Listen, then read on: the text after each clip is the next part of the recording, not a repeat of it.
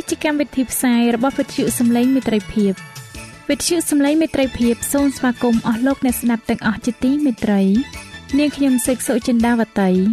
ហើយខ្ញុំបាទអង្គច័ន្ទវិជ្ជៈក៏សូមស្វាគមន៍លោកអ្នកស្ដាប់ទាំងអស់ផងដែរនៅពេលនេះយើងខ្ញុំមានសេចក្តីសុំមនស្សរីករាយដែលបានវិលមកជួបអស់លោកអ្នកនាងកញ្ញាអ្នកស្ដាប់សាជាថ្មីម្ដងទៀត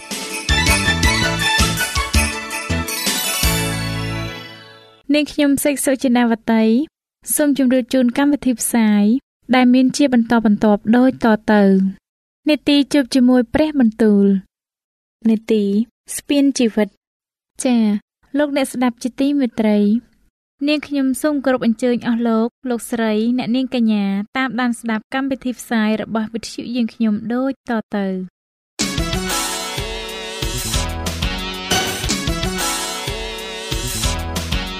នេតិ ជួបជាមួយព្រះបន្ទូល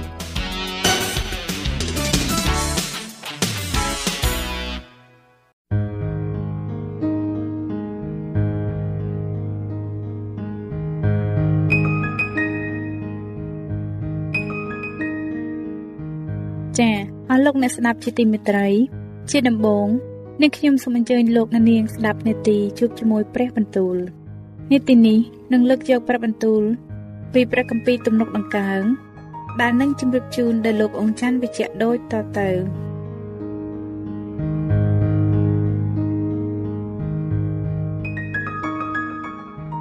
ព្រះគម្ពីរទំនុកដំកើងចំពោះទី121ខ្ញុំនឹងងើបភ្នែកមើលទៅឯភ្នំ តែសេចក្តីជំនួយជួយដល់ខ្ញុំមកពីណាសេចក្តីជំនួយរបស់ខ្ញុំ មកតែពីព្រះយេហូវ៉ាទេ គឺជាព្រះដែលបង្កើតផ្ទៃមេឃនិងផែនដីទ្រង់នឹងមិនឲ្យជើងអ្នករអិលភ្លាត់ឡើយព្រះអង្គដែលរក្សាអ្នកទ្រង់នឹងមិនផ្ទុំរលាវឡើយមើលព្រះអង្គដែលរក្សាអ៊ីស្រាអែលទ្រង់នឹងមិនដែលងប់ងុយក៏មិនដែលផ្ទុំលក់ឡើយព្រះយេហូវ៉ាទ្រង់ជាព្រះដែលថែរក្សាអ្នកព្រះយេហូវ៉ាទ្រង់ជាម្លប់នៅខាងស្ដាំអ្នកនៅពេលថ្ងៃ អ្នកនឹងមិនត្រូវព្រះអាទិត្យធ្វើទុកឡើយ ហើយនៅពេលយប់ក៏មិនត្រូវព្រះច័ន្ទធ្វើទុកដែរព្រះយេហូវ៉ានឹងរក្សាអ្នកឲ្យរួចពីគ្រប់ទាំងសេចក្តីអាក្រក់ព្រមទាំងរក្សាព្រលឹងរបស់អ្នកឯដំណើរដែលអ្នកចេញចូលទៅមកនោះព្រះយេហូវ៉ាទ្រង់នឹងរក្សា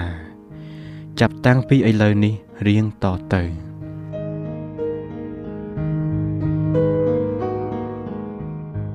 ព្រះគម្ពីរទំនុកដំកើងជំពូកទី122 កាលគេនិយាយមកខ្ញុំថា ចូលយើង ចូលទៅក្នុងដំណាក់នៃព្រះយេហូវ៉ានោះខ្ញុំមានសេចក្តីអំណរអរណាស់អោក្រុងយេរូសាឡឹមអើយជើងយើងឈរនៅខាងក្នុងទ្វាររបស់ឯងហើយយេរូសាឡឹមអើយឯងបានសង់ឡើង ដូចជាទីក្រុងដែលណែនណាន់ជាប់គ្នា ជាកន្លែងដែលអស់ទាំងពូជអម្បូរគឺពូជអម្បូរនៃព្រះយេហូវ៉ាគេឡើងទៅ តាមទម្លាប់នៃសាសអ៊ីស្រាអែល ដើម្បីនឹងអរព្រះគុណដល់ព្រះនាមព្រះយេហូវ៉ាត្បិតនៅទីនោះ មានបល្ល័ង្កតាំងឡើង សម្រាប់ការវិនិច្ឆ័យគឺជាបល្ល័ង្កទាំងប៉ុន្មាននៃរាជវង្សដាវីតចូលអធិស្ឋានឲ្យក្រុងយេរូសាឡឹមបានសេចក្តីសុខចុះសូមឲ្យអស់អ្នកដែលស្រឡាញ់ឯងបានសេចក្តីចម្រើនសូមឲ្យមានសេចក្តីសុខនៅខាងក្នុងកំផែងឯងហើយសេចក្តីចម្រើននៅក្នុងព្រះរាជវាំងរបស់ឯង ព្រោះយល់ដល់ពួកបងប្អូននិងពួកមិត្តសម្លាញ់របស់អញបានជានឹងពោលឲ្យលើថាសូមឲ្យមានសេចក្តីសុខនៅខាងក្នុងឯងចោះដោយយល់ដល់ដំណាក់នៃព្រះយេហូវ៉ាជាព្រះនៃយើងរាល់គ្នានោះអញនឹងស្វែងរកសេចក្តីល្អដល់ឯង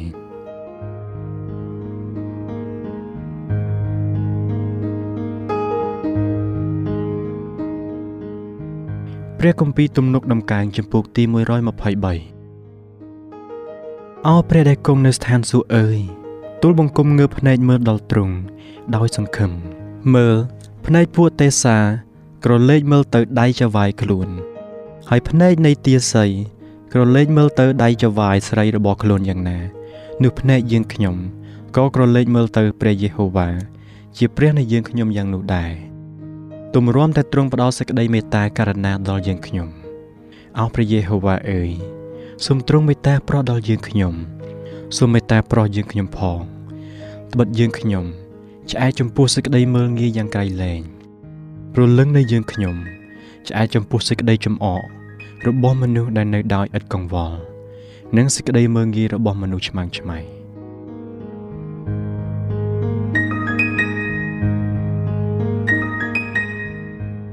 ព្រះគម្ពីរទំនុកដំកើងជំពូកទី124 បើមិនមែនជាព្រះយេហូវ៉ាដែលកាន់ខាងពួកយើង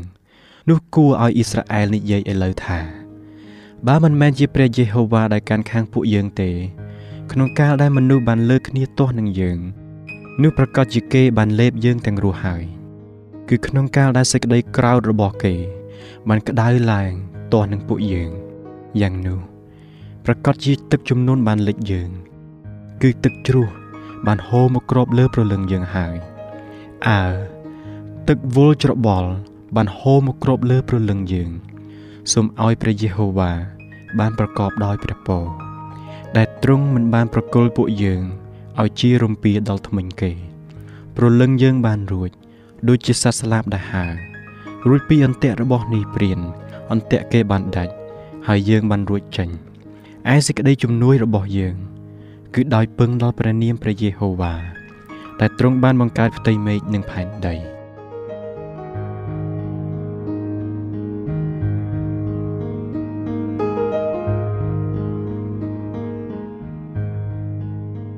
ព្រះគម្ពីរទំនុកដំកើងចំពុកទី125ពួកអ្នកដែលទុកចិត្តនឹងព្រះយេហូវ៉ាគឺដូចជាភ្នំស៊ីយ៉ូនដែលនឹងរង្គើមិនបាន គឺបានជាប់នៅជាដរាប មានភ្នំនៅព័ទ្ធជុំវិញក្រុងយេរូសាឡឹមយ៉ាងណានោះព្រះយេហូវ៉ាក៏គង់នៅជុំវិញរាជទ្រង់យ៉ាងនោះដែរចាប់តាំងពីឥឡូវនេះដល់រាបដល់អស់កលជានិច្ចពីព្រោះដំបងនៃសេចក្តីអាក្រក់នឹងមិនគ្របលើចំណែកនៃមនុស្សសុចរិតឡើយប្រយោជន៍កុំឲ្យមនុស្សសុចរិតលោកដៃទៅចាប់សេចក្តីទុច្ចរិតឲ្យសោះអោព្រះយេហូវ៉ាអើយសូមប្រោះសេចក្តីល្អដល់មនុស្សល្អ ហើយដល់ពួកអ្នកដែលមានចិត្តទៀងត្រង់ផង តែចំណែកមនុស្សដែលបែរទៅ តាមផ្លូវខ្វិចខ្វៀនរបស់ខ្លួនវិញនោះព្រះយេហូវ៉ាទ្រង់នឹងនាំគេចេញទៅ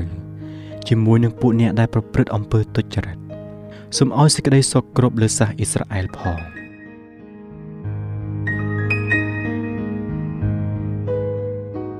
ចា៎ប្រិយមិត្តអ្នកស្ដាប់ជាទីមេត្រី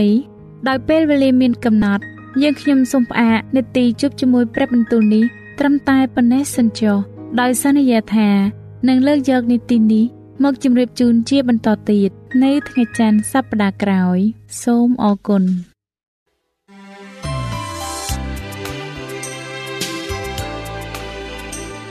វិទ្យុសំឡេងមេត្រីភាព AWR ជាវិទ្យុដែលនាំមកពីក្នុងការនាំព្រះរាជសាររបស់ព្រះជាម្ចាស់សម្រាប់លោកអ្នក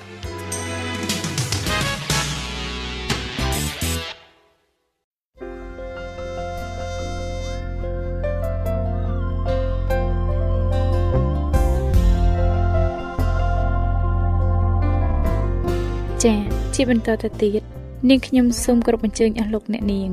តាមដានស្ដាប់នាទីស្ពានជីវិត ដែលនឹងជម្រាបជូនដល់លោកអង្គច័ន្ទវិជ្ជៈដូចតទៅ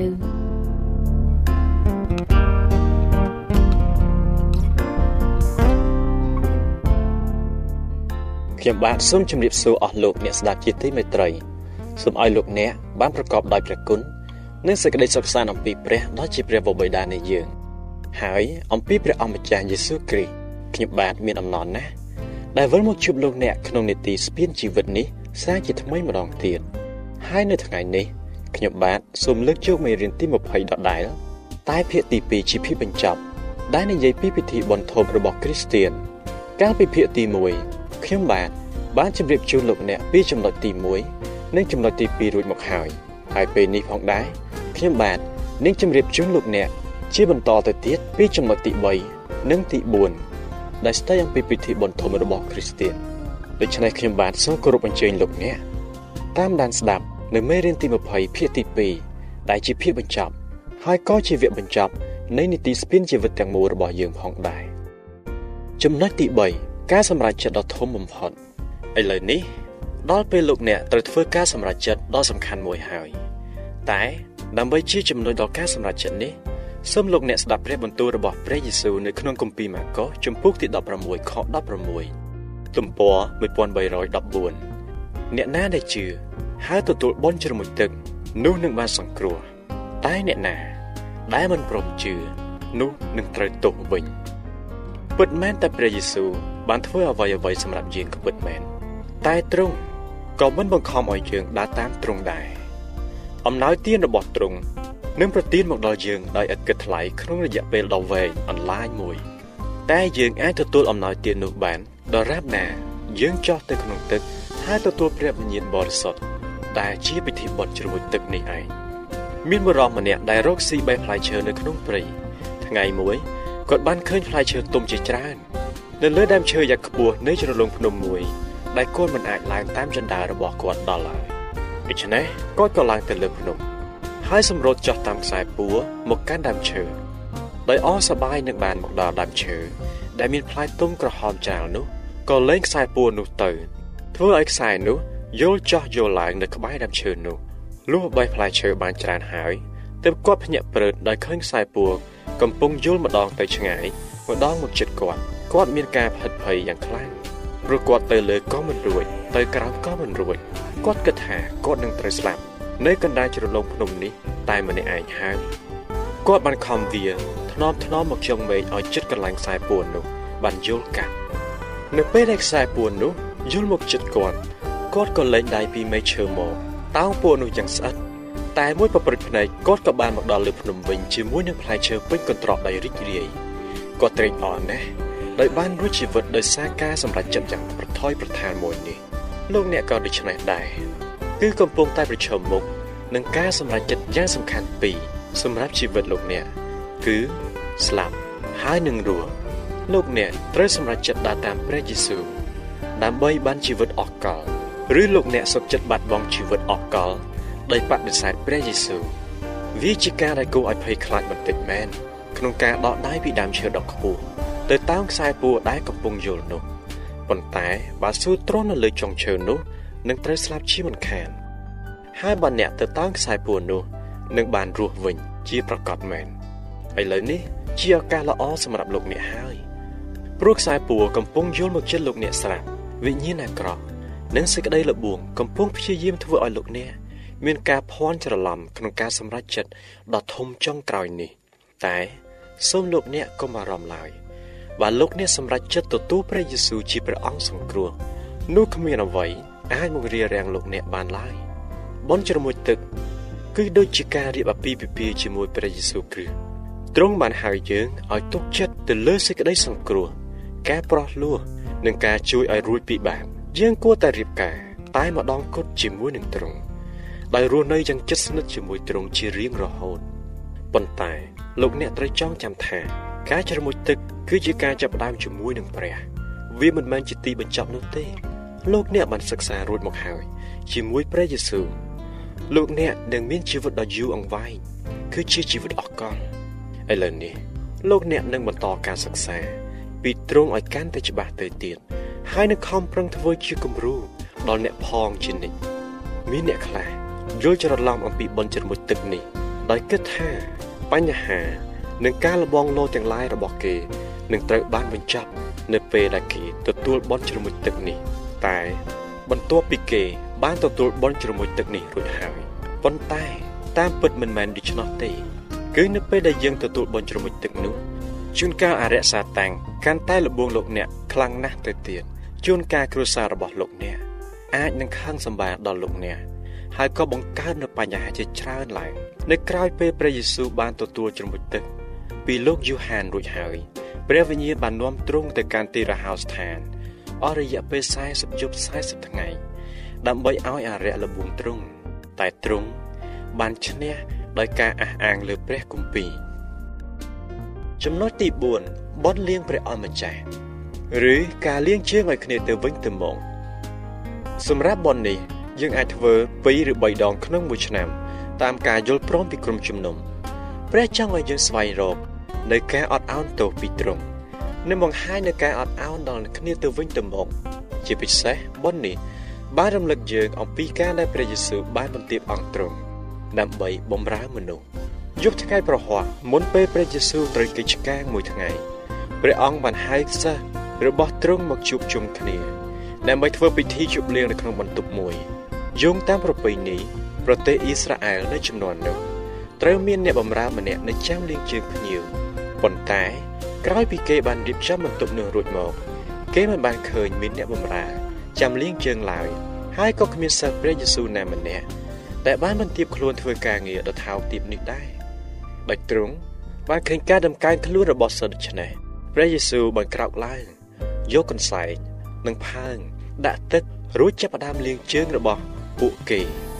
ពួកសិស្សមានការភ្ញាក់ផ្អើលជាខ្លាំងដោយឃើញគ្រូដ៏ធំរបស់គេ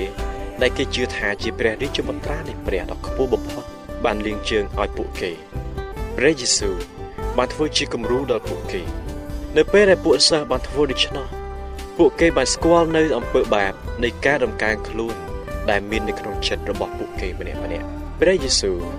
បានមានបន្ទូលថាដូច្នេះបើខ្ញុំដែលជាព្រះអង្គម្ចាស់ហើយជាគ្រូបានលេងជើងឲ្យអ្នករាល់គ្នានោះគួរតែអ្នករាល់គ្នាលេងជើងដល់គ្នានឹងគ្នាដែរ ត្បិតខ្ញុំបានធ្វើតម្រាប់ទុកឲ្យអ្នករាល់គ្នាហើយ ដើម្បីឲ្យអ្នករាល់គ្នាត្រាប់តាមការដែលខ្ញុំបានធ្វើឲ្យនោះយូហានជំពូកទី13ខ14និងខ15ពេត្រុសដែលជាសិស្សរបស់ទ្រង់បានបដិសេធមិនឲ្យព្រះយេស៊ូវលាងជើងដល់គាត់ឡើយតែព្រះយេស៊ូវមានបន្ទូលទៅគាត់ថាបើអ្នកមិនព្រមទេ នោះអ្នកនឹងគ្មានចំណែកជាមួយខ្ញុំឡើយឬដូច្នេះពេត្រុសក៏បានសូមឲ្យព្រះយេស៊ូវលាងខ្លួននិងក្បាលគាត់ផងដែរ តែព្រះយេស៊ូវបានមានបន្ទូលថាមនុស្សណាដែលបានងូតទឹករួចហើយគ្រាន់តែលាងជើងប៉ុណ្ណោះនោះខ្លួនប្រាណទាំងមូលនឹងបានស្អាតហើយអ្នកក៏បានស្អាតផងដែរព្រះយេស៊ូវទ្រង់បានបញ្យល់ពេត្រុសថាគាត់បានคลายខ្លួនជាអ្នកគ្រីស្ទានដោយទទួលបុណ្យជ្រមុជទឹករួចហើយហើយគាត់ក៏អាចធ្លាក់ចូលទៅក្នុងសេចក្តីល្បួងនិងអំពើបាបបានដោយងាយដែរប៉ុន្តែគាត់មិនចាំបាច់ធ្វើពិធីបុណ្យជ្រមុជទឹកទៀតទេ គឺគ្រាន់តែសំលុនតួទោសពីព្រះយេស៊ូវឲ្យទ្រង់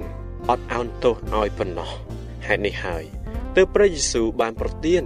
នៅពិធីបុណ្យលាងជើងនេះដល់យើង ជាឱកាសឲ្យយើងបានស្អាតពីអំពើបាបនៅកំហុសដែលយើងបានប្រព្រឹត្តជាមួយនឹងបងប្អូនយើងនៅក្នុងព្រះវិហារយើងអាចសំលុនតួទោសពីព្រះនៅពេលណាក៏បានដែរក៏ប៉ុន្តែ នៅក្នុងពិធីបុណ្យនោះគឺជាពេលដ៏ពិសេសមួយ ដែលយើងអាចផ្ដោតអារម្មណ៍ទៅលើការអត់ឱនទោសរបស់ព្រះសេចក្តីមេត្តាករុណារបស់ទ្រង់ជាអំណោយដ៏ថ្លៃថ្លានិងឥតគិតថ្លៃដែលយើងត្រូវដឹងថាទ្រង់តែងតែទទួលយើងជានិច្ចនៅពេលដែលយើងបែរមករកទ្រង់ព្រះគម្ពីរបរិទេវចំពុក3ខ22និងខ23បានសម្ដែងថា គឺនឹកពីសេចក្តីនេះកុំតែមានសេចក្តីសប្បុរសរបស់ព្រះយេហូវ៉ានោះយើងបានសូន្យបាត់អស់រលីងទៅហើយ ឯសេចក្តីមេត្តាករុណារបស់ទ្រង់នោះមិនចេញផុតពីសេចក្តីទាំងនោះ ចេះតែថ្មីឡើងរាល់តែព្រឹកជានិច្ចសេចក្តីស្មោះត្រង់របស់ទ្រង់ធំណាស់យើងត្រូវតោងដឹងថា ប្រសិនបើយើងនៅតែបន្តធ្វើនៅអំពើបាបតទៅទៀតនោះនឹងធ្វើឲ្យចិត្តយើងកាន់តែរឹងឡើងរឹងឡើង ហើយទំនាក់ទំនងរវាងយើង និងព្រះក៏កាន់តែខ្សោយទៅខ្សោយទៅដែរក្រៅពីពិធីលាងជើងនេះ ព្រះយេស៊ូវបានយកនំប៉័ងឥតដំបែមកបំបែកចែកដល់ពួកសិស្សរួចមានបន្ទូលថា ចូលយកបរិភោគចោះនេះហើយជារូបកាយខ្ញុំរួចទ្រង់ក៏យកពេងទឹកទំពាំងបាយជូរមកចែកដល់ពួកសិស្សរួចមានបន្ទូលថា នេះហើយជាឈាមខ្ញុំ គឺជាឈាមនៃសញ្ញាថ្មី ដែលត្រូវជ្រួចសម្រាប់មនុស្សជាច្រើនខ្ញុំប្រាប់អ្នករាល់គ្នាជាប្រកាសថាខ្ញុំ មិនផឹកពីផលផ្លែទំពាំងបាយជូរទៀតទេដរាបដល់ថ្ងៃណា ដែលខ្ញុំនឹងមកជាថ្មីក្នុងនគរព្រះម៉ាកុសជំពូក15ខ24និងខ25អស់លោកអ្នកស្ដាប់បុណ្យលាងជើងគឺជាការរំលឹកដល់យើងអំពីការសគត់របស់ព្រះយេស៊ូវដើម្បីសង្គ្រោះយើងរាល់គ្នា នៅពេលដែលយើងបរិភោគនំប៉័ងឥតដំបែនិងទឹកទំពាំងបាយជូរដែលព្រះយេស៊ូវបានមានបន្ទូលថា ជាតំណាងសាច់ និងឈាមទ្រង់នោះបង្ហាញថាយើងបានមានជីវិតក៏ដោយសារតែការសគត់របស់ព្រះយេស៊ូវដែរយើងមិនអាចទីពឹងទៅលើការជ្រមុជទឹកនោះទេ គឺយើងត្រូវតែទទួលព្រះបន្ទូលរបស់ព្រះដាក់ចូលក្នុងចិត្តយើងជារៀងរាល់ថ្ងៃដើម្បីឲ្យបានដូចជាព្រះយេស៊ូវដែលទ្រង់បានធ្វើជាគំរូដល់យើងនិងដើម្បីឲ្យនំប៉័ងនិងលោហិតទ្រង់ដែលជាព្រះបន្ទូលនិងជីវិតព្រះយេស៊ូវនោះបាននៅក្នុងចិត្តយើងជានិច្ច ប្រយោជន៍ឲ្យយើងមានកម្លាំងគ្រប់គ្រាន់ក្នុងការរស់នៅរៀងរាល់ថ្ងៃនេះការជ្រមុជទឹកគឺជាការកើតជាទារកគ្រីស្ទៀនម្នាក់ហើយដើម្បីឲ្យទារកនេះធំធាត់បាននោះត្រូវតែបំពន់ចំណុចអាហារនិងទឹកជារៀងរាល់ថ្ងៃគឺនៅពេលដែលលោកអ្នកជ្រមុជទឹករួចលោកអ្នកត្រូវបន្តសិក្សាពីព្រះគម្ពីរនិងអធិស្ឋានឲ្យបានខ្ជាប់ខ្ជួនជានិច្ចមេរៀនទាំងអស់ដែលយើងបានរៀនរួចមកហើយសុទ្ធតែបង្ហាញពីទិសដៅដ៏ល្អមួយ ដែលព្រះយេស៊ូវបានចង្អុលបង្ហាញយើងពីជីវិតអស់កលនៅនគរស្ថានសួគ៌ប៉ុន្តែមេរៀននេះបានបង្ហាញយើងច្បាស់បន្ថែមទៀតថាច្រកចូលទៅក្នុងនគរស្ថានសួគ៌គឺបនជ្រមុជទឹកប្រសិនបើលោកអ្នកចង់ជិះក្នុងយន្តហោះមួយ តែមិនព្រមដើរចូលតាមមាត់ទ្វារនោះតើលោកអ្នកអាចជិះយន្តហោះនោះបានដែរឬទេមានគ្រាមួយព្រះយេស៊ូវបានមានបន្ទូលទៅកាន់អ្នកច្បាប់ផារ៉ាស៊ីម្នាក់ឈ្មោះនេះក៏ដែនថាបើមិនបានកើតជាថ្មី តាមពិធីបុណ្យជ្រមុជនោះទេនោះគ្មានអ្នកណាអាចស្ថានព្រះវរបិតាបានទេទ្វារស្ថានសួគ៌កំពុងតែចំហរងចាំអស់លោកអ្នកហើយសូមលោកអ្នកអញ្ជើញចូលដោយទទួលបុណ្យជ្រមុជទឹកនិងដើរតាមព្រះយេស៊ូវឥឡូវនេះចុះនោះព្រះនឹងមានបន្ទូលមកកាន់លោកអ្នកថាឯងជាកូនស្ងួនភ្ងាអញជាទីពេញចិត្តអញណាស់បាទអស់លោកអ្នកស្ដាប់ជាទីមេត្រីមុននឹងបញ្ចប់មេរៀននេះខ្ញុំបាទសូមជូននូវសំណួរខ្លះសម្រាប់លោកអ្នក ដើម្បីធ្វើជាការត្រិះរិះពិចារណា សំណួរទី1សូមលោកអ្នករៀបរាប់ពីពិធីបុណ្យរបស់គ្រីស្ទៀនដែលលោកអ្នកធ្លាប់បានស្គាល់សំណួរទី2តើបុណ្យជ្រមុជទឹកមានអត្ថន័យយ៉ាងណាខ្លះសំណួរទី3ចូលរៀបរាប់ពីរបៀបនៃការជ្រមុជទឹក សំណួរទី4តើពិធីបុណ្យលាងព្រះអង្គម្ចាស់ខុសគ្នាពីពិធីបុណ្យជ្រមុជទឹកយ៉ាងដូចម្តេចខ្លះហើយជាបន្តទៅទៀតនេះយើងខ្ញុំសូមរៀបរាប់នៅចំណងជើងមេរៀនទាំង20 ដែលលោកអ្នកបានស្ដាប់នៅក្នុងនីតិស្ពានជីវិតរបស់យើង រួចមកហើយមេរៀនទី1ស្វាមីនិងភរិយាមេរៀនទី2ការអប់រំកូនរបស់មេដាបិតាមេរៀនទី3សេចក្តីស្រឡាញ់និងការអាណិតអាសូរមេរៀនទី4សេចក្តីស្រឡាញ់ដែលអាចទុកចិត្តបាន មេរៀនទី5ការទុកចិត្តព្រះនៅគ្រាមានអាសន្នមេរៀនទី6ការអត់ទោសគឺជាតម្លៃរបស់អ្នក មេរៀនទី7 ជ័យជំនះដោយសារព្រះយេស៊ូវមេរៀនទី8សេចក្តីស្លាប់និងវិញ្ញាណក្ខន្ធមេរៀនទី9ព្រះយេស៊ូវចិត្តយាងមកវិញហើយមេរៀនទី10ទំនាក់ទំនងជាមួយបងប្អូនដែលមិនមែនជាគ្រីស្ទៀនមេរៀនទី11សារសំខាន់នៃទំនាក់ទំនងជាមួយព្រះមេរៀនទី12សុខភាពមេរៀនទី13ថ្ងៃជប់សម្រាកឬថ្ងៃបរិសុទ្ធមេរៀនទី14ការដាក់ដង្វាយថ្វាយព្រះមេរៀនទី15 ក្រុមជំនុំជារូបកាយរបស់ព្រះគ្រីស្ទមេរៀនទី16ចូលធ្វើការបម្រើព្រះគ្រប់សកម្មភាពមេរៀនទី17ការជំនុំជម្រះផ្ដាច់ព្រាត់មេរៀនទី18សេចក្តីស្រឡាញ់គឺជាគ្រឹះវិន័យ10ប្រការមេរៀនទី19ក្រុមជំនុំសម្រាំងរបស់ព្រះមេរៀនទី20ពិធីបុណ្យធំរបស់គ្រីស្ទៀនបាទអស់លោកអ្នកស្ដេចជាទីមេត្រីពេលវេលានៃនីតិស្ពានជីវិតរបស់យើងបានបញ្ចប់ទាំងស្រុងហើយ យើងខ្ញុំសង្ឃឹមនឹងជឿជាក់ថាលោកអ្នកនឹងទទួលបាននូវចំណេះដឹងជាច្រើនអំពីព្រះដែលទ្រង់បានយាងមកសគត់នៅលើឈើឆ្កាងដោយព្រោះតែទ្រង់ស្រឡាញ់ដល់លោកអ្នកហើយនឹងខ្ញុំបានថ្ងៃដែលទ្រង់យាងមកជាលើកទី2ក៏គៀកណាស់ហើយដែរបើយើងសង្កេតមើលការព្រួតប្រែយ៉ាងគំហុកនៃពិភពលោកដែលយើងកំពុងតែរស់នៅសប្តាហ៍ថ្ងៃនេះទ្រង់ពិតជាមិនចង់ឃើញបងប្អូន លោកអ្នកណាម្នាក់ស្លាប់ដោយសារតែការបដិសេធ ដោយមិនព្រមទទួលយកសេចក្តីដ៏ឥតគិតថ្លៃរបស់ទ្រង់នោះឡើយដូច្នេះយើងខ្ញុំសូមអំពាវនាវដល់អស់លោកអ្នកដោយនៅព្រះនាមរបស់ព្រះអង្គម្ចាស់សូមឲ្យលោកអ្នកបានសម្រេចចិត្តទទួលយកទ្រង់ជាព្រះអង្គម្ចាស់សង្គ្រោះនៃជីវិតរបស់លោកអ្នកចាប់ពីពេលនេះតទៅហើយសូមឲ្យព្រះជាម្ចាស់បានប្រទានពរដល់អស់លោកអ្នកបងប្អូនទាំងអស់គ្នា សម្រាប់ពេលនេះខ្ញុំបាទអង្គច័ន្ទវិជ្ជៈសូមអរគុណសូមជម្រាបលា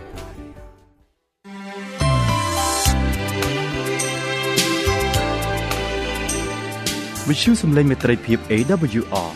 មានផ្សាយពីរដងក្នុងមួយថ្ងៃ គឺព្រឹកនៅម៉ោង6និងពេលយប់នៅម៉ោង8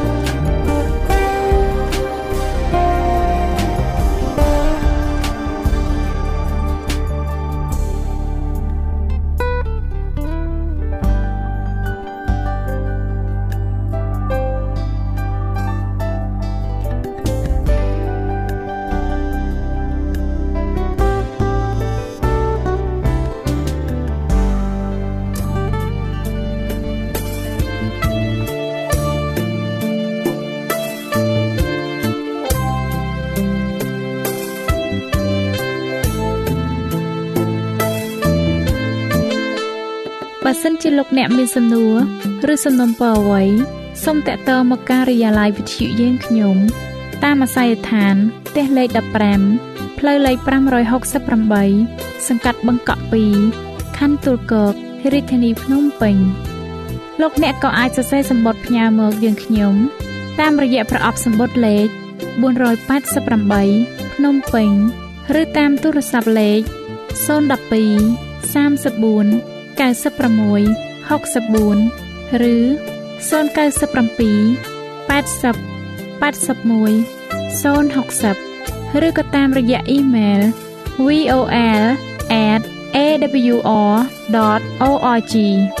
យើងខ្ញុំរងចាំទទួលស្វាគមន៍អស់លោកអ្នកនាងដោយក្តីសោមនស្សរីករាយ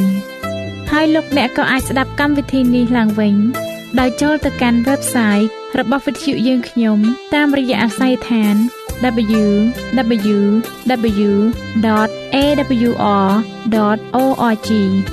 លោកអ្នកនាងកញ្ញាជាទីមេត្រី កម្មវិធីផ្សាយរបស់វិទ្យុសំឡេងមេត្រីភាពនៅពេលនេះសូមបញ្ចប់តែប៉ុណ្ណេះយើងខ្ញុំសូមអរគុណចំពោះការតាមដានស្ដាប់របស់អស់លោកអ្នកតាំងពីដើមរហូតដល់ចប់យើងខ្ញុំសូមជូនពរឲ្យអស់លោកអ្នកនាងកញ្ញាទាំងអស់បានចម្រើនឡើងក្នុងព្រះគុណព្រះអង្គម្ចាស់ ហើយក្នុងការទទួលយកព្រះយេស៊ូវគ្រីស្ទជាព្រះអង្គម្ចាស់និងជាព្រះអង្គសង្គ្រោះនៃយើងរាល់គ្នានាទីផ្សាយរបស់វិទ្យុយើងខ្ញុំនឹងវិលមកជួបអស់លោកអ្នកសាជាថ្មីម្ដងទៀតនៅថ្ងៃស្អែកវេលាម៉ោងដដែលនាងខ្ញុំសេកសុចិន្តាវតីនិងខ្ញុំបាទអ៊ំច័ន្ទវិជ្ជៈសូមអរគុណសូមជម្រាបលា